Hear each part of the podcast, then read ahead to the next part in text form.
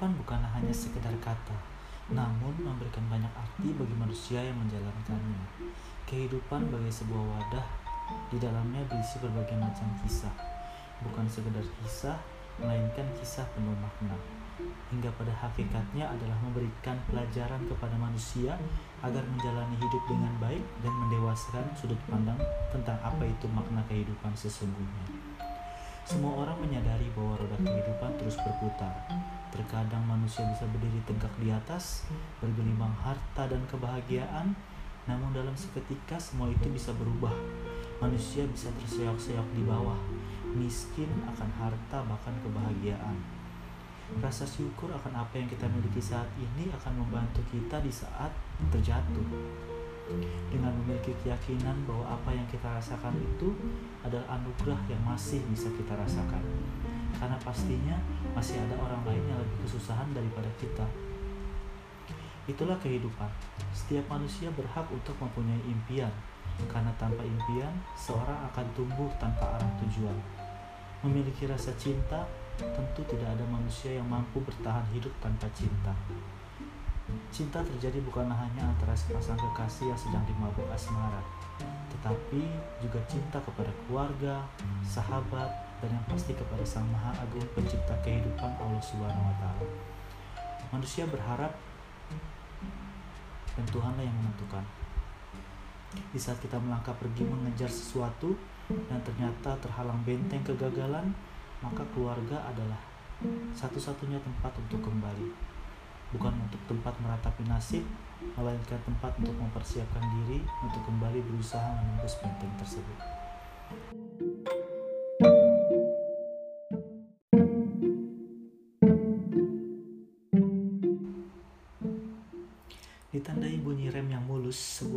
Sport mewah berwarna merah baru saja berhenti di halaman parkir sekolah SMA Garuda Bangsa. Megah, bersih, dan berkelas. Pantas banget deh buat menggambarkan suasana sekolah terfavorit sejakarta ini. Dari dalam mobil keluarlah Toya, Raffi, Dean, dan juga Elmo.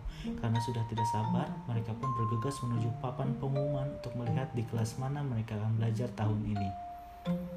Raffi yang jalan paling depan dan selalu terlihat percaya diri, tanpa sengaja menabrak seorang guru laki-laki yang bodinya tinggi gede kayak petinju Muhammad Ali. Beh, ngeri gak tuh? Kebetulan guru itu sedang membawa setupukan kertas. Alhasil, kertas-kertas itu pun jatuh berantakan. Sambil melotot, guru killer yang dikenal dengan nama Togar itu pun langsung memarahi Raffi dengan logak bataknya. Kamu ini bagaimana? Kalau jalan mata itu dipakai. Maaf pak, saya nggak sengaja. Raffi meminta maaf dan langsung membereskan kertas-kertas yang berserakan lalu menyerahkan kembali padanya. Tanpa bicara apa-apa lagi, Pak Toga langsung pergi sambil melempar pandang sebab. Cowok kelahiran Bandung yang terkenal punya sifat humoris ini paling peduli banget dengan keadaan lingkungan sekitar. Karena terlalu peduli, akhirnya ia malah sering terbebani dengan masalah orang lain. Yang membuat ia makin berbeda dari ketiga sahabatnya adalah dia suka banget berorganisasi terlihat dari jas alma mater OSIS berwarna biru navy yang dengan bangga selalu ia kenakan. Menurutnya dengan berorganisasi akan menambah pengetahuan dan juga melatih diri untuk bisa menjadi pemimpin yang berwibawa ditambah lagi bertanggung jawab. Lain kali kalau jalan hati-hati Raf, Elmo menasehati. Cowok ini punya nama yang unik seperti nama tokoh dalam serial TV Amerika Sesame Street. Ia pun tidak tahu kenapa orang tuanya memberikan nama itu. Di antara ketiga sahabatnya, Elmo lah yang paling dewasa dalam bersikap. Selalu menjadi tempat sampah alias tempat curhat ketiga sahabatnya. Sabar tapi tertutup banget kalau udah bicara soal keluarga. Iya, lincah banget loh, celetuk Dean sinis. Cowok berkacamata dan punya lesung pipit ini punya sifat yang sangat bertolak belakang dengan Raffi. Dean dilahirkan di New York, Amerika Serikat. Ayahnya berasal dari Jakarta, sedangkan ibunya lahir dan besar di Bogor. Keduanya menuntut ilmu di Harvard University. Setelah menikah, mereka memutuskan untuk tinggal di New York sebelum akhirnya pulang ke Indonesia. Dia punya sifat yang cuek abis dan nggak pernah mau ambil pusing. Baginya hal terpenting dalam hidup adalah buku-buku pelajaran dan rumus-rumus indah yang selalu melayang ceria di kepalanya. Jadi wajar aja kalau dia mengantongi gelar juara umum di tahun pertamanya kemarin. Heh, gue nggak minta pendapat lo ya, balas Raffi ketus. Berisik lu berdua, Toya menghentikan perdebatan. Kalau mau kalau mau debat nanti aja. Diana sudah membuka mulut dan siap untuk membalas terpaksa mengurungkan niat. Cowok bernama Toya ini punya sifat yang gampang naik darah alias mudah emosi. Padahal dia nggak punya penyakit darah tinggi, tapi anehnya bisa berubah drastis jadi orang yang kalem kalau berhadapan langsung dengan seorang cewek yang dia sukai. Seperti namanya, cowok ini memang keturunan Jepang. Ayahnya berasal dari Tokyo, sedangkan ibunya berasal dari Padang, Sumatera Barat. Mata yang agak sipit sering membuat orang lain melihatnya seperti pemeran dalam serial drama Jepang. Toya memiliki postur badan paling tinggi ketimbang ketiga sahabatnya. Mungkin hal tersebut juga menjadi salah satu faktor pendukung ia terpilih menjadi kapten tim basket sekolah. Seringkali mereka terlibat dalam pertengkaran, pertengkaran kecil, tapi setelah itu hubungan mereka akan kembali membaik dan hal itu juga membuat persahabatan mereka terjalin semakin erat. Dari putri rasa ingin tahu yang tinggi, mereka pun sampai di depan papan pengumuman dan tanpa pikir panjang mulai menelusuri kelas demi kelas pada daftar di papan berukuran ekstra besar itu. Satu persatu kelas ditelusuri oleh Raffi untuk mencari namanya. Tidak perlu waktu lama, telunjuk jarinya berhenti di sebuah nama dan ternyata adalah namanya. Ia mendapat kelas 11 IPA 1. Sedangkan betapa kecewanya ia ketika mengetahui bahwa ketiga sahabatnya kembali satu kelas bersama seperti di kelas 10 kemarin. Mereka mendapatkan kelas 11 IPA 3. Diliputi rasa kecewa, Raffi pun bergegas membebaskan diri dari kerumunan lalu pergi. Yes, kita bertiga sekelas lagi, kata Toya bersemangat. Dian pun menganggukkan kepala. Raffi ke mana ya? Dia masuk kelas mana? Elmo yang sejak tadi sibuk dengan kelasnya baru menyadari kalau Raffi tidak lagi bersama mereka. Oh iya, ke mana tuh orang? Toyo melihat ke kanan dan ke kiri tetapi Raffi memang sudah tidak bersama mereka. Dia nggak akan hilang kali, dia yang tidak peduli. Di sisi lain, Raffi yang masih diliputi rasa kecewa tanpa sengaja bertemu dengan guru laki-laki yang cukup dekat dengannya. Kesibukannya di organisasi membuat Raffi banyak tertinggal pelajaran. Oleh karena itu, Pak Sandilah yang sering memberikan jam pelajaran tambahan kepadanya. Mau ke mana Raf? Mukanya kesel gitu, tanya Pak Sandi lembut. Pak, kenapa saya nggak bisa sekelas sama Toya, Dean, atau Elmo? Terus kenapa sih mereka bisa satu kelas lagi? Raffi berusaha meredam emosi. Kamu ini ngomong apa sih? Bukan itu yang harus kamu pikirkan. Seharusnya kamu bersyukur bisa ada di posisi seperti saat ini. Pak Sandi malah marah. Tapi Pak, tidak ada kata tapi. Kamu harus perbaiki semuanya. Copot nih alma mater OSIS, tinggalin organisasi kamu dan seriuslah belajar di kelas. Saya nggak bisa pak, organisasi sudah jadi bagian dari hidup saya. Dengan tegas Raffi menolak. Kamu harus bisa. Jarang loh ada yang bisa mendapatkan kesempatan kedua seperti kamu, Raf. Mas Andi menegaskan, lalu berjalan pergi. Wajahnya terlihat kesal. Hmm, dengan rasa kecewa yang mengasih menguasai, Raffi pun memutuskan untuk pergi ke lapangan basket dan beristirahat di bangku penonton.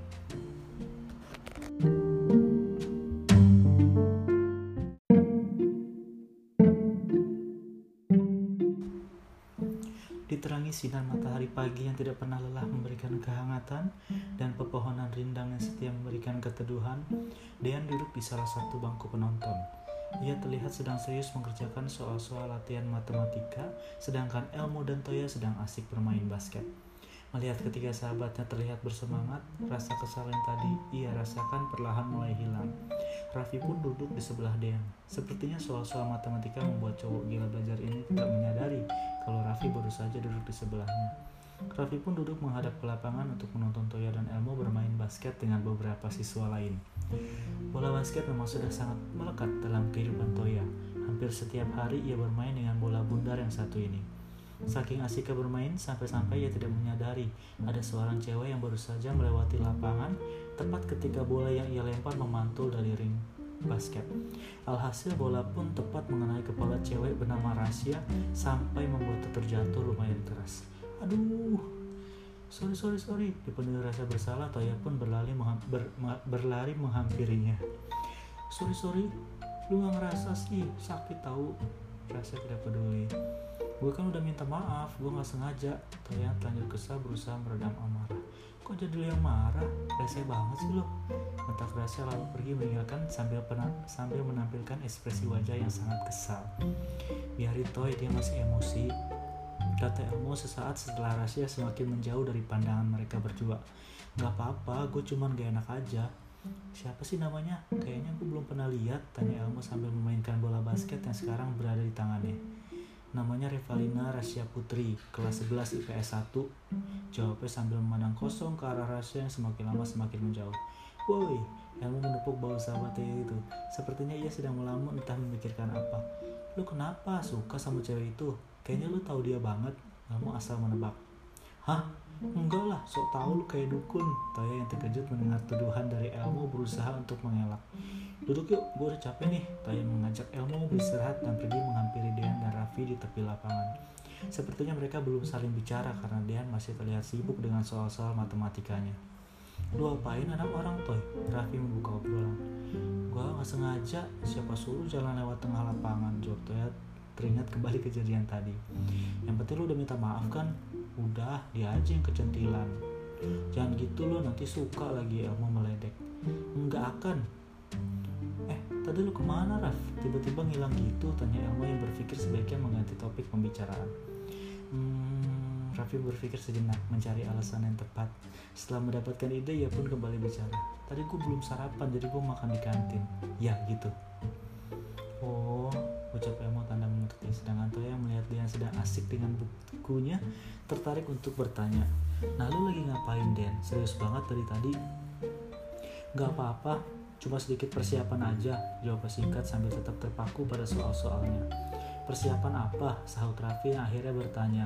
Terlihat Toya dan Elmo juga akan menanyakan pertanyaan hal yang sama, namun kalah cepat. Menurut perhitungan gue, dua minggu lagi kita akan ada ujian harian, jadi gue harus persiapan banget. Jawab Diana lalu kembali bermain dengan rumus-rumus dan angka-angka yang pasti tidak pernah bosan bermain dengannya. Sementara ketiga sahabat yang lain hanya bisa saling pandang. Entah kagum atau justru malah berpikir bahwa sikap Dian terlalu berlebihan. Raf, gue dengar lu gak mencalonkan diri lagi ya jadi ketua OSIS. Kata Elmo yang lagi-lagi berpikir lebih baik untuk mengganti topik pembicaraan. Yap, jawabnya singkat. Gitu dong Raf, lebih baik lu konsentrasi belajar di kelas biar nilai lu lebih memuaskan. Toya mengutarakan pendapatnya. Eits, gue emang gak mencalonkan diri lagi jadi ketua OSIS. Tapi gue mencalonkan diri jadi ketua majelis permusyawaratan kelas MPK. Dan gue harap kalian tetap mau dukung gue kata Raffi mengklarifikasi ucapan sebelumnya. Serius, ganti wajah warna hijau dong alma mata lo, tanya Elmo memastikan. Iya dong, jawabnya optimis. Hmm, terserah lo sih, kita tetap dukung kok, ucap Elmo walaupun sedikit berat hati. Begitupun dengan yang hanya menjawab dengan anggukan pelan. Thanks, kalian tahu kan gue suka banget berorganisasi. Dan MPK itu adalah jenjang setelah OSIS kata Raffi meyakinkan. Entah kenapa setelah mendengar ucapan Raffi, dia menutup keras bukunya lalu mulai ikut bicara. Raff, kita tahu lu sangat amat gemar dan suka banget berorganisasi. Bahkan mungkin lu nggak bisa hidup tanpa organisasi. Tapi prioritas lu pergi ke sekolah harus tetap belajar dan itu di dalam kelas. Ucapnya cukup keras. Gue belajar kok, Raffi membantah. Iya belajar, tapi nggak seperti yang orang lihat selama ini, balas Dian lagi semakin keras. Emang apa yang orang lihat? Udah Den, Toya berusaha menghentikan perdebatan yang pastinya akan berakhir buruk. Tapi bukannya berhenti, Dian malah kembali bicara. Raf, percaya atau enggak, anak-anak yang lain bertanya-tanya kenapa lo bisa masuk ke kelas unggulan 11 IPA 1. Itu karena menurut mereka, apa yang mereka lihat sekarang gak sesuai dengan keadaan yang mereka lihat sebenarnya. Dan asal lo tahu aja, berita udah menyebar kalau lo masuk IPA 1 karena campur tangan Pak Sandi. Dia menjelaskan panjang lebar. Raffi yang sudah sangat kelas Raffi yang sudah sangat kesal memilih pergi meninggalkan ketiga sahabatnya sambil melempar pandang kesal pada Dean. Raf mau ke mana? Tanya Elmo merasa bersalah karena dialah yang memulai pembicaraan itu. Namun Raffi sedang dalam keadaan yang terpojok sehingga ia tidak dapat berkata apa-apa lagi. Setelah Raffi sudah tidak terlihat, Toya kembali berbicara. Gua rasa ucapan lo terlalu berlebihan, Den. Seharusnya kita sebagai sahabat harus terus dukung apa pun keputusan dia, asalkan itu masih positif. Dan kalau dia ada masalah, kita harus selalu siap bantu dia. Elmo menambahkan. Gue rasa enggak, gue cuma gak mau dia sekolah sia-sia, jawab Dian tidak merasa bersalah. Tapi tetap aja gak seharusnya lo ngomong kasar begitu, Toya bertahan. Jadi gue harus ngomong gimana supaya dia mau lebih serius belajar di kelas. Udahlah, udahlah, gak usah dibahas lagi, Elmo mengakhiri. Kita pulang aja deh, Sautoya memutuskan. Hari itu mereka masuk sekolah hanya untuk melihat di kelas mana mereka akan belajar. Boleh, kayaknya lebih baik pulang. Dan sependapat. Setelah dicat, Raffi memutuskan untuk ingin pulang sendiri. ketiganya pun kembali ke mobil dan pergi meninggalkan sekolah.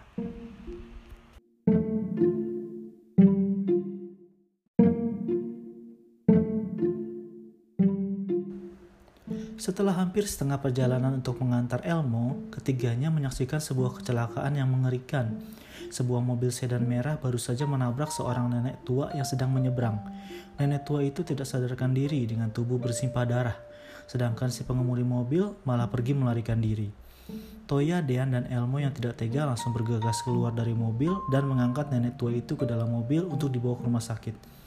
Lukanya parah kayaknya, Toy. Elmo terlihat sangat cemas melihat kondisi nenek tua itu. Kenapa jadi kita yang repot sih? Kata Dean menyesalkan. Lu ngomong apaan sih, Dan? Bentak Toya kesal. Sorry, gue panik. Dean asal bicara dalam kondisi mendesak tiba-tiba handphone Elmo berdering. Angkat teleponnya. HP lu di mana? Di dalam tas. Setelah menemukan handphonenya, Dean melihat ke layar dan itu dari Raffi. Ya udah angkat. Tapi dia enggan mengangkat telepon dari Raffi, entah karena ia merasa bersalah telah menyinggung perasaannya atau karena gengsi. Ayolah Den, gak usah mikirin masalah lain dulu, kata Elmo tegas sedangkan Toya sedang berkonsentrasi menyetir mobil agar bisa cepat sampai di rumah sakit. Setelah berpikir sejenak, Dean pun akhirnya bersedia mengangkat. Halo, Mo? Dean pun berbicara terbata-bata entah karena canggung atau karena panik. Halo, Raf? Lu sekarang ke rumah sakit Pelita Kasih ya, penting. Ini Dean ya? Ada apaan di rumah sakit Pelita Kasih? Raffi yang masih berada di kantin sekolah bertanya bingung. Kita lagi nolong nenek korban tabrak lari. Hah? Korban tabrak lari? Iya iya gue ke sana sekarang. Jawab Raffi langsung menutup teleponnya dan bergegas meninggalkan kantin dan beranjak menuju rumah sakit. Namun saat ia sedang berjalan, tiba-tiba kepalanya terasa sakit. Ah, kepala gue kenapa? Rintinya dalam hati. Ia pun terduduk di lantai kantin yang sudah tidak ada siapa pun, sambil memegang kepala yang semakin lama semakin terasa sakit. Sampai akhirnya ia membaringkan tubuhnya di lantai dan berusaha untuk menenangkan diri. Butuh waktu cukup lama sampai rasa sakit itu mulai hilang. Mengingat telepon dari sahabatnya tadi, ia pun berusaha untuk bangun dan segera menuju rumah sakit.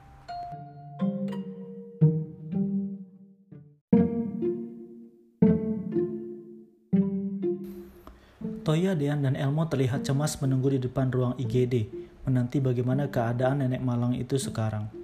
Baju seragam mereka juga terkena bercak darah akibat menggotong tubuh nenek tadi. Keluarga nenek itu telah dihubungi dan sedang dalam perjalanan menuju rumah sakit. Dengan nafas tersengal-sengal, Raffi datang dengan membawa bungkusan berisi 4 porsi burger dan 4 kaleng soft drink. Gimana ceritanya kok bisa begini? Tanya Raffi untuk tahu lebih jelas sambil melihat seragam ketiga sahabatnya yang terkena bercak darah. Kita berusaha nolong aja Raf, nenek itu korban tabak lari. Kebetulan mobil kita ada di belakang mobil yang nabrak. Elmo bercerita dengan singkat. Kalau gue tahu siapa yang nabrak, gue hajar dia sampai mampus. Sahut Toyam emosi. Sabarlah Toy, ucap Raffi menenangkan. Elmo melihat wajah Raffi yang tidak seperti biasanya. Eh, lu kenapa Raf? Muka lu kok pucat gitu? Masa iya? Gue gak kenapa-napa kok. Iya Raf, pucat. Toya membenarkan. Oh iya, gue bawa makanan nih. Kalian pasti belum pada makan kan? Raffi mengalihkan pembicaraan dengan menyerahkan makanan yang ia bawa. Wah, ini dia kelebihan lu, Raf. Cepat respon di segala keadaan. Sampai-sampai dalam keadaan kayak begini masih kepikiran untuk beli makanan. Kata Elmo memuji Raffi sambil dengan semangat membuka bungkus burger yang terlihat lezat itu. Sampai mereka berempat selesai makan, pintu IGD belum juga terbuka dan belum ada tanda-tanda kedatangan keluarga korban. Makasih ya Raf, kenyang gue. Toya terlihat kembali bersemangat. Iya, makasih Raf, Elmo menambahkan. Dean yang sebenarnya sangat gengsi untuk mengakui kesalahannya pun tidak mau, mau tidak mau harus mengaku salah. Hmm, Raf, sorry ya yang tadi, kata Dean tanpa mau memandang wajah Raffi. Tetapi itu sudah suatu kemajuan baginya, karena orang yang berani mengakui kesalahan adalah ciri dari orang yang berbesar hati dan bisa bersikap dewasa. Iya, nggak apa-apa, Jawab Raffi singkat. Toya dan Elmo merasa sedikit lega karena Dean dan Raffi sudah mau saling memaafkan. Saat Toya melihat ke ujung koridor, terlihat seorang pria tinggi besar dan seorang wanita parubaya serta didampingi oleh dua orang polisi datang menghampiri mereka berempat yang sedang duduk di lantai. Setelah tiba di hadapan mereka berempat, pria bertubuh tinggi besar itu langsung mendorong keempatnya sampai merapat ke dinding. Kalian apakan ibu saya? Bentak pria itu marah. Sementara keadaan di luar rumah sakit sedang hujan deras. Bapak jangan asal nuduh dong, sahut Toya ikut emosi. Mendengar hal tersebut, pria itu melepaskan mereka, lalu meraih kerah baju Toya, bersiap meninju wajahnya. Salah seorang polisi meminta pria itu untuk tenang. Tolong tenang pak, jangan pakai kekerasan. Mereka menabrak ibu saya. Demi Allah bukan kami yang nabrak pak, Nenek itu korban tabrak lari, kita hanya berniat untuk menolong. Dengan tenang, Elmo mencoba menjelaskan yang sebenarnya terjadi. Tolong tangkap mereka, masukkan mereka ke penjara. Pria itu tidak mempedulikan ucapan Elmo, sedangkan wanita yang datang bersamanya tidak bersuara dan tidak menunjukkan ekspresi sedih sama sekali, malah cenderung sesekali terlihat tersenyum aneh. Mari ikut kami ke kantor polisi untuk memberikan keterangan, kata polisi kedua menegaskan. Tapi pak, Sebelum Toya, Elmo, Raffi, dan Dian kembali membela diri, pintu IGD tiba-tiba terbuka.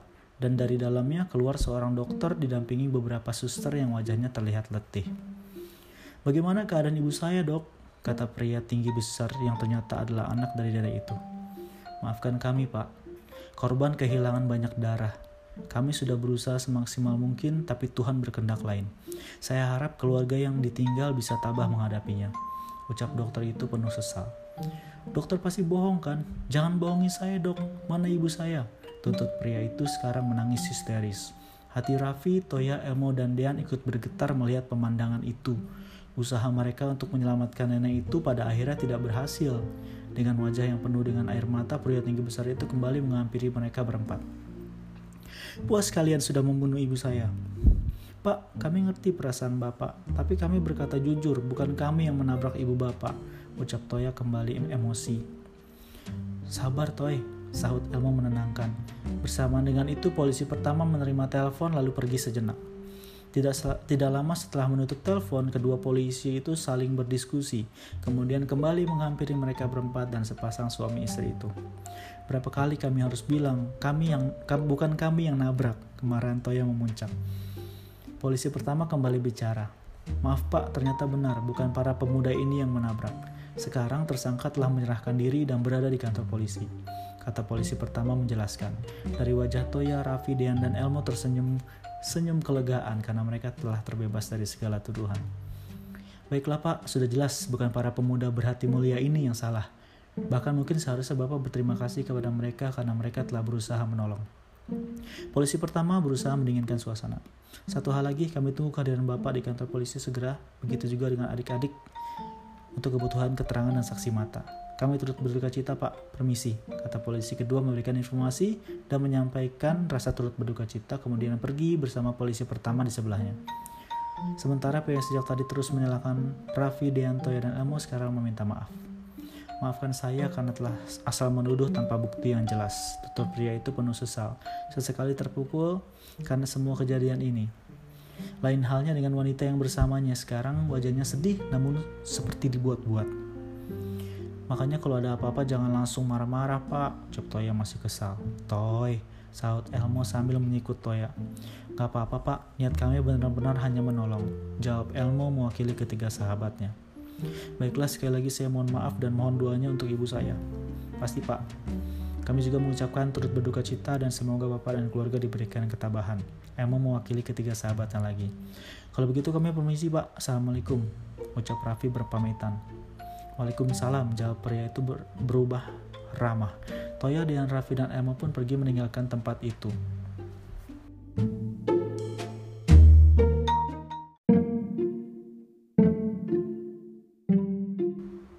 perjalanan menuju ke mobil, mereka pun mencoba untuk menyimpulkan apa hikmah dari pengalaman yang baru saja mereka dapatkan hari itu. Sekarang gue bisa sedikit lebih mengerti gimana rasanya kalau ditinggal sama orang yang sangat kita sayangi. Pasti sakit banget ya, Raffi mengutarakan pendapatnya. Pasti, tapi sayangnya kita harus selalu siap di saat orang yang kita sayangi itu harus pergi. Karena nggak akan ada satu orang pun yang tahu kapan hari itu akan tiba. Bisa aja dalam beberapa waktu dekat ini salah satu dari kita akan meninggal. Yang mau ikut berpendapat. Jah, doa lu mau. Mudah-mudahan enggak lah, kata Toya mengambil titik tengah. Ketiga sahabatnya pun kompak menjawab, amin. Gue bilang juga apa, jadi kita kan yang ribet. Sahut Dean mulai bersuara. Yang gak gitu juga lah. Menurut lu sikap kita salah gitu? Yang mau menyanggah. Bukan gitu, Mo. Tapi gimana ya? Tadi itu nggak ada siapa-siapa lagi Den selain kita. Masa lu tega lewat aja padahal ada nenek tua yang lagi kesakitan di tengah jalan? Hati lu terbuat dari apa sih? Toya melempar pandang sebal. Bukan gitu juga maksud gua Toy. Tapi kenapa harus kita gitu? Elmo langsung menjelma menjadi sesosok ustadz. Dan Allah itu udah mengatur semuanya dengan sangat rapi tanpa cacat sedikit pun. Misalnya harta yang kita punya saat ini dan nanti jodoh kita kapan datang dan mukanya kayak apa, termasuk kapan seseorang harus lahir atau meninggal. Bahkan daun yang jatuh dari pohonnya aja itu udah direncanakan sama Allah. Semua itu tersusun di lauh mahfuz atau bisa dibilang master plan berbentuk mega server untuk alam semesta ini. Servernya segede apa ya kira-kira? Raffi berandai-andai. Yang jelas kalau disimpan dalam flash disk lu nggak akan muat lah Bambang. Sahut Toya meledek. Keempatnya pun tertawa sambil memasuki lift.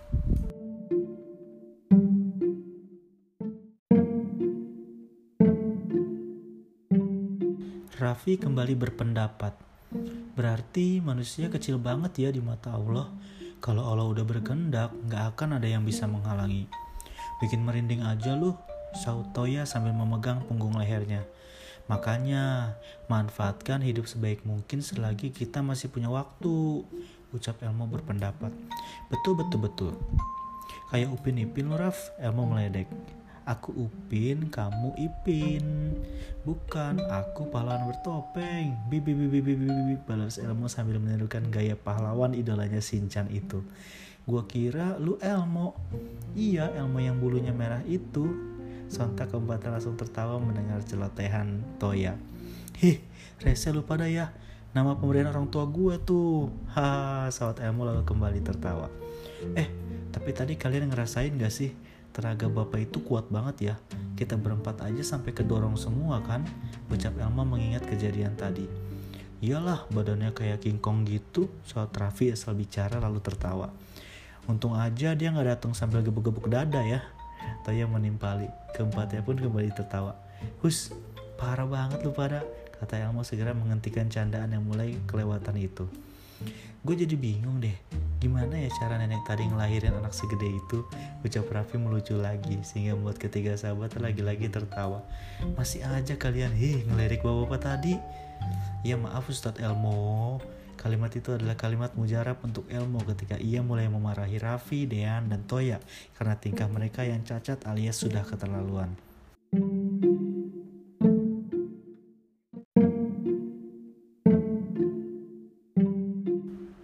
Akhirnya mereka sampai di halaman parkir. Hujan pun masih turun rintik-rintik. Sebelum mereka masuk ke mobil, terdengar ada suara wanita yang memanggil mereka. Woi bocah-bocah, teriak wanita itu memanggil. Saat dilihat dengan teliti, ternyata yang memanggil adalah wanita yang sejak tadi bersama pria anak dari nenek korban tabrak lari. Ada apa ya bu? Tanya Raffi bingung. Begitupun ketiga sahabatnya. Saya hanya ingin berterima kasih karena kalian terlambat membawa mertua saya ke rumah sakit.